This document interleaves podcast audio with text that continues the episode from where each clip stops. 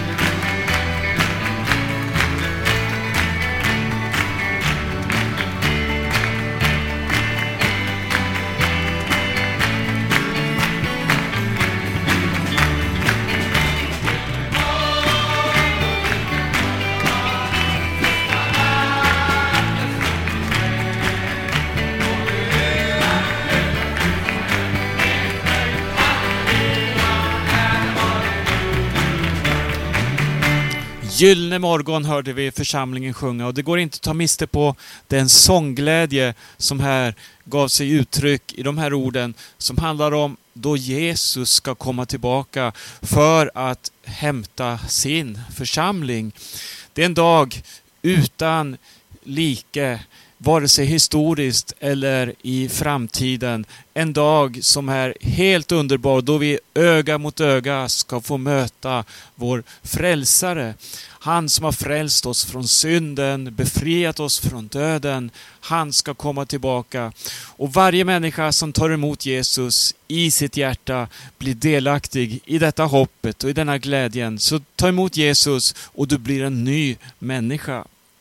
Vi ska återvända till den bibelversen som vi inledde det här programmet med.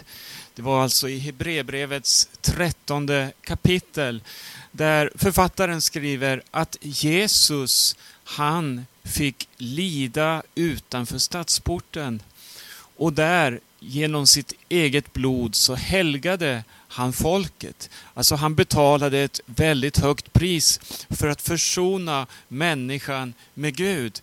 Här möter vi det yttersta beviset på Guds kärlek och Guds omsorg om människan.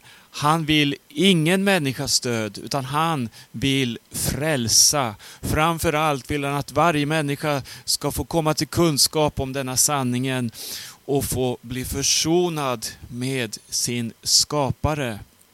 Och så fortsätter uppmaningen. Låt oss därför gå ut till honom utanför lägret och bära hans smälek. Jesus, han är ju alltings ursprung. Långt före världens skapelse så är vi utvalda i honom. Det är alltså ingen nyck, inga tillfälligheter. Det, det, handlar om när vi talar om frälsningen och när vi talar om Guds skapelse och hans avsikt med människan. Utan vi möter här en plan som finns i Guds hjärta från evighet. Långt innan världens grund var lagd så är vi utvalda i honom. Och här möter vi det yttersta beviset på Guds kärlek. Han gav oss sin enfödde son, alltså det mest dyrbara som existerar i himlarna, i universum, i höjden. Det är ju Jesus. Det mest dyrbara, det absolut mest kärleksfulla som existerar i höjden, det är Jesus. Och Gud älskar sin son över allt annat på denna jord eller i universum eller i evigheten. Vi kan inte placera det här inom eh, timliga gränser för det är en evig kärlek som råder. Men så möter vi här ett mycket motsägelsefullt budskap. Jesus, han som är alltings ursprung, kommer hit ned till denna jord. Han blir människa. Han kommer till sitt eget. Men världen vill inte veta av honom. Han marginaliseras från sin födelse och rakt igenom hela sitt liv, ända till sitt sista andetag. Han föds i ett stall. Det fanns ingen plats för honom i härberget. Han kommer upp till Jerusalem och vad möter han där? Jo, människorna vill inte veta av honom. Han hotas med döden. Han jagas därifrån.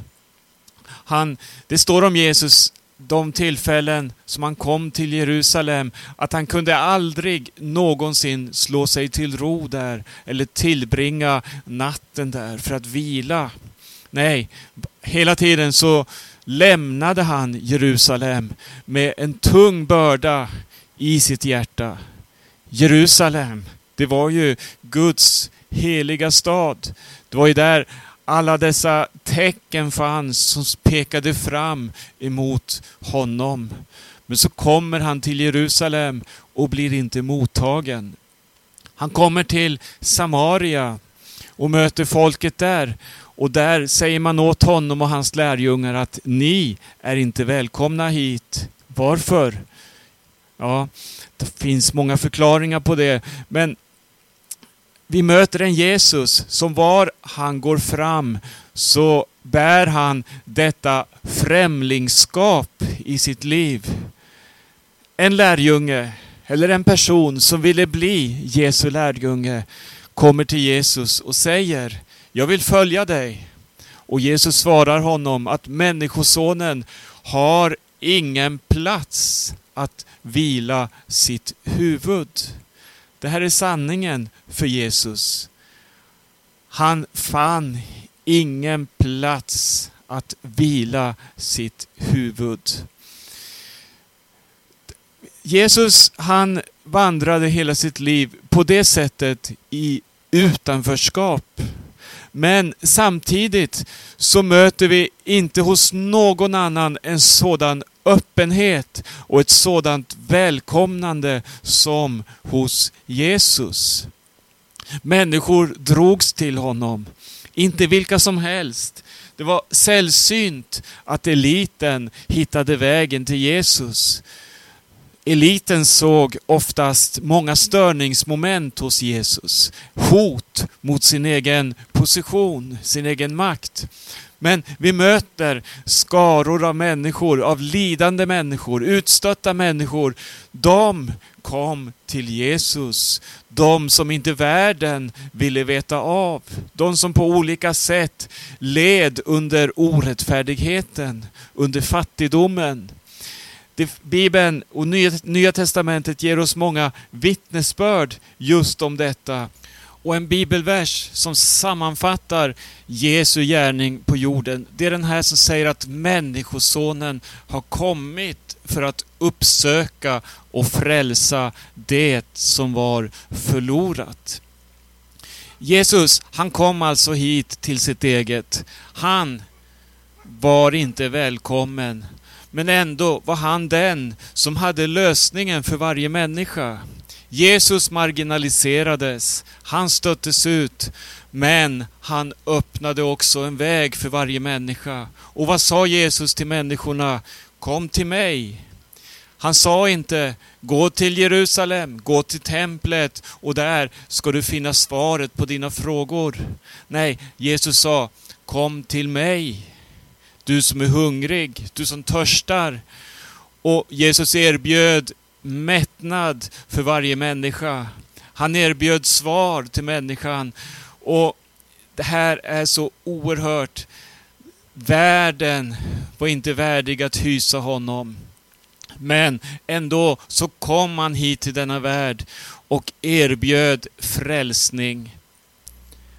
Det fanns alltså de som tog emot Jesus, som öppnade sina hjärtan för honom och såg vem han var och för dem fanns det sedan inte något annat alternativ. Har man en gång fått smaka Jesus, har man en gång fått möta honom, då finns det ingenting annat som är värt att ha istället för honom. Det kom människor till Jesus som tog emot honom och som hade fått sina liv förvandlade. Och där fortsatte Jesus att ge sin undervisning och tala också om vad det handlar om att följa honom. Vad det innebär. Man blir en främling här i tiden. Hela världen är i den ondes våld. Men Jesus är den som har övervunnit världen. Världen och alla dess begärelser kommer att förgås. Men den som tar emot Jesus, han har evigt liv. En evig glädje i honom. Jesus placerar alltså sina lärjungar också i den här situationen att man upplever främlingskapet. Han förklarar för sina lärjungar, ni är främlingar och gäster här i tiden. Men det finns en plats dit ni kan gå, dit ni kan komma för att få kraft. Det finns en plats och det är att komma till mig. Jesus sa inte gå upp till Jerusalem och där ska ni finna svar på alla era frågor. Söker till de stora maktcentran för att finna mättnad och lösa era problem. Nej, Jesus sa kom till mig. Jag är livets bröd. Jesus han erbjöd också livets vatten genom att inbjuda till sig själv. Den som dricker av det vatten jag ger, han ska aldrig någonsin törsta. Här möter vi frälsaren som erbjuder källor som den här världen inte kan ge. Han erbjuder en mättnad som ingen politisk makt eller ingen filosofi kan ge någon människa. Jesus säger Kom till mig. Svaret finns inte kring tempeltjänsten i Jerusalem. Svaren finns inte där hos översteprästerna eller i de stora religiösa maktcentren som vi har i våra dagar. Svaren finns inte i Vatikanen. Svaren möter du inte heller i det stora protestantiska kyrkosystemet eller i de ortodoxa rörelserna. Nej, det finns inte heller i pingströrelsen eller i någon maranatarörelse. Svaret finns endast hos Jesus. Jesus säger så här, kom till mig. Eller som författaren som vi citerade skrev, låt oss gå till honom utanför lägret och bära hans smälek. Och genom att vi tar det steget så bekänner vi och ger vårt vittnesbörd till detta att vi tillhör ett annat rike. Det här gör inte att vi blir overksamma.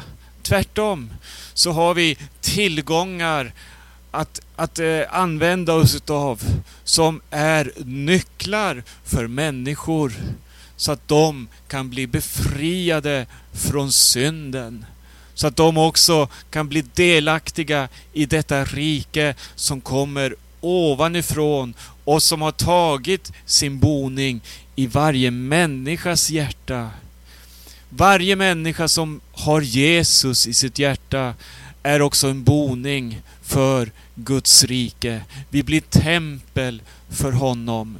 Författaren i Hebreerbrevet skrev om Jesus, låt oss gå till honom utanför lägret och bära hans smälek.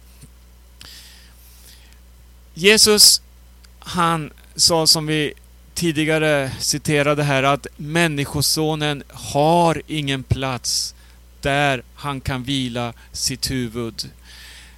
Låt oss några minuter bara eh, tänka på Jesus sista dagar innan han fördes ut till Golgata.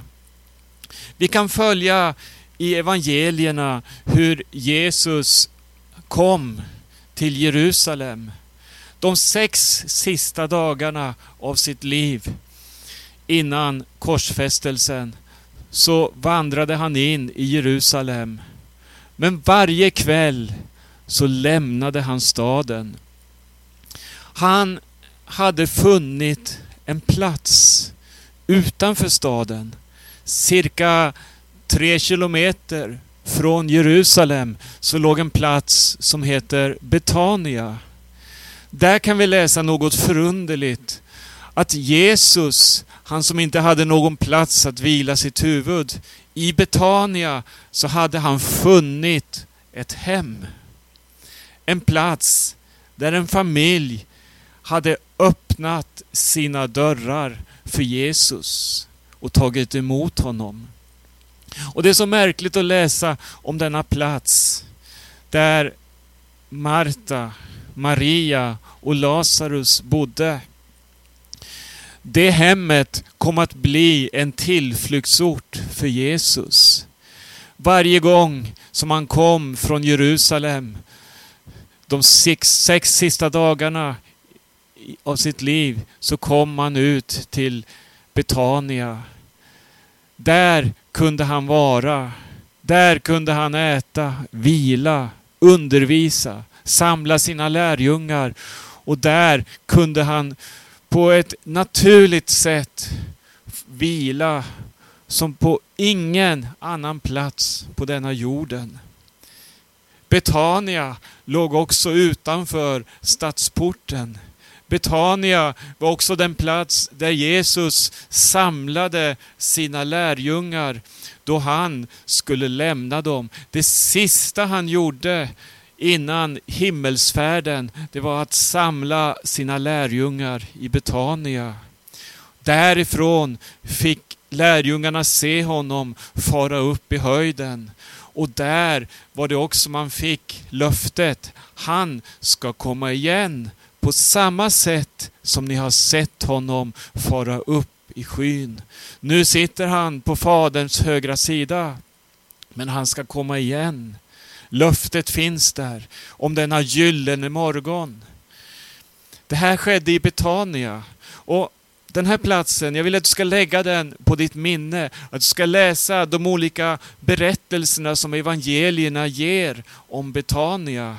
För det är så berikande att se den gemenskap som fanns där. Den eh, måltid som Jesus hade med sina lärjungar i Betania. Det han delade med syskonen som samlades där, det var så fullödigt. Det var inte brist på någonting. Och Jesus, han var i centrum på ett naturligt sätt i denna gemenskap i Betania. Det var där Maria bröt alabasterflaskan så att hela denna doft från rökelsen spred sig över hela huset. Och Jesus smordes inför sitt svåra lidande, inför sin död och begravning. Maria kritiserades hårt både av lärjungar och andra när hon slösade, som man sa, denna dyrbara nardus över Jesus. Men Jesus sa att låt henne vara. Här möter vi det här motsägelsefulla och det här prislösa när det handlar om att ösa vår kärlek, ösa av det vi har, det vi är, över Jesus. Av tacksamhet för vad han har gjort, av tacksamhet för vem han är. Det gick inte att göra detta i Jerusalem. Det gick inte att göra detta i templet. Det går inte heller att stänga in detta inom några kyrkliga institutioner. Men det finns en plats där Jesus möjliggör sann tillbedjan. Det finns en plats där församlingen får växa, där församlingen får formas och bli mer lik honom. Det är en plats utanför stadsporten, utanför lägret. Här läser vi om en plats som heter Betania. Och på det sättet får varje gemenskap där vi är samlade i Jesu namn, där två eller tre är tillsammans i hans namn och han är mitt ibland oss. Det är ett sant Betania. Kom till Jesus, gå till honom utanför lägret för att bära hans smälek. Det du möter i Betania, det är ingenting av värde för den här världen. Men det är en sann Guds gemenskap du kan få ha där med honom, med dina syskon. Du får mötas. Din församling får vara ett Betania. Din tjänst för honom får vara ett Betania. Där du utan att bry dig om vad andra tycker och tänker får slösa din Nardus, din framtid. Ja, du får lägga allt i Jesu händer. Jag tänker på Maria som eh, gav denna smörjelse, som öste den över Jesus. Det handlade om hela hennes ekonomiska trygghet. Värdet av den här parfymen som hon smorde Jesus med uppgick till en årslön. Du kan tänka dig vilka enorma summor det handlade om. Här hade hon sitt arvgods förmodligen. Det som var hennes trygghet inför dåliga tider. Det som hon skulle ha för att investera sin framtid. Det gav hon till Jesus på ett oerhört sätt. Och Jesus sa, det här ska omtalas överallt där evangelium förkunnas. Vi återgår till utgångspunkten. Det var att gå till honom utanför lägret. Att gå utanför lägret, det är inte att fly problemen. Det är inte att gömma sig för allt det vi möter. Utan det är att verkligen ta itu med saker och ting. Att gå till honom utanför lägret, det är att visa världen att det finns en plats Gud har sin kropp här i tiden. Gud har sin församling här i tiden. Den är inte av denna världen, men den är hos honom utanför stadsporten utanför lägret. Vi är inte av denna världen. Vi tillhör honom och hans rike. Och vi väntar på den dag då han ska komma tillbaka. Och medan vi väntar så är vi verksamma för att vi vill att människor ska få möta Jesus. Vi vill att du ska få möta honom, att du ska få lära känna honom. För han och ingen annan är den som kan frälsa din själ och som kan ge dig ett sant värde. Du kan inte få det inne i Jerusalem bildligt talat eller inne i någon annan eh, världslig lösning. Det finns bara en som har makt att frälsa din själ. Det är Jesus. Kom till honom. Det var utanför stadsporten som han led för dig. Det var där han naglades fast vid korset. Det var uppe på korset som han ropade ut de här segervissa orden. Det är fullbordat. Efter detta enorma lidande då Jesus i sin kropp bar all vår synd, hela mänsklighetens synd. Du, där ropade han, det är fullbordat. Och vad hände? Jo, Gud lät förlåten i templet brista upp uppifrån och ned. Detta förhänge som hänger som en vägg mellan människan och Gud. Som separerar oss från Gud. Du, det var borta nu. Jesus har öppnat vägen. Templet har sin tid. Alla förebilder har sin tid, men verkligheten själv, den finns hos Jesus och där är svaret på dina frågor. Hos honom, utanför lägret. Sök honom och du ska finna att han är god och att han verkligen vill förvandla ditt liv. Snart en morgon bryter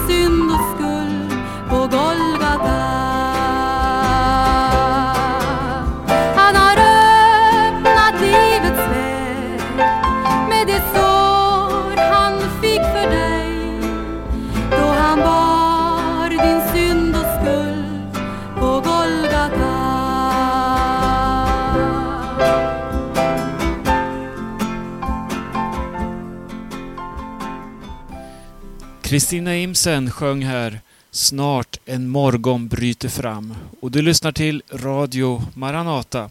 Jag heter Berno Vidén. Vi ska strax avsluta programmet. Församlingen har en hemsida som heter maranata.se. Med det så säger jag tack för oss för den här gången och önskar er allesammans Guds rika välsignelse och på återhörande.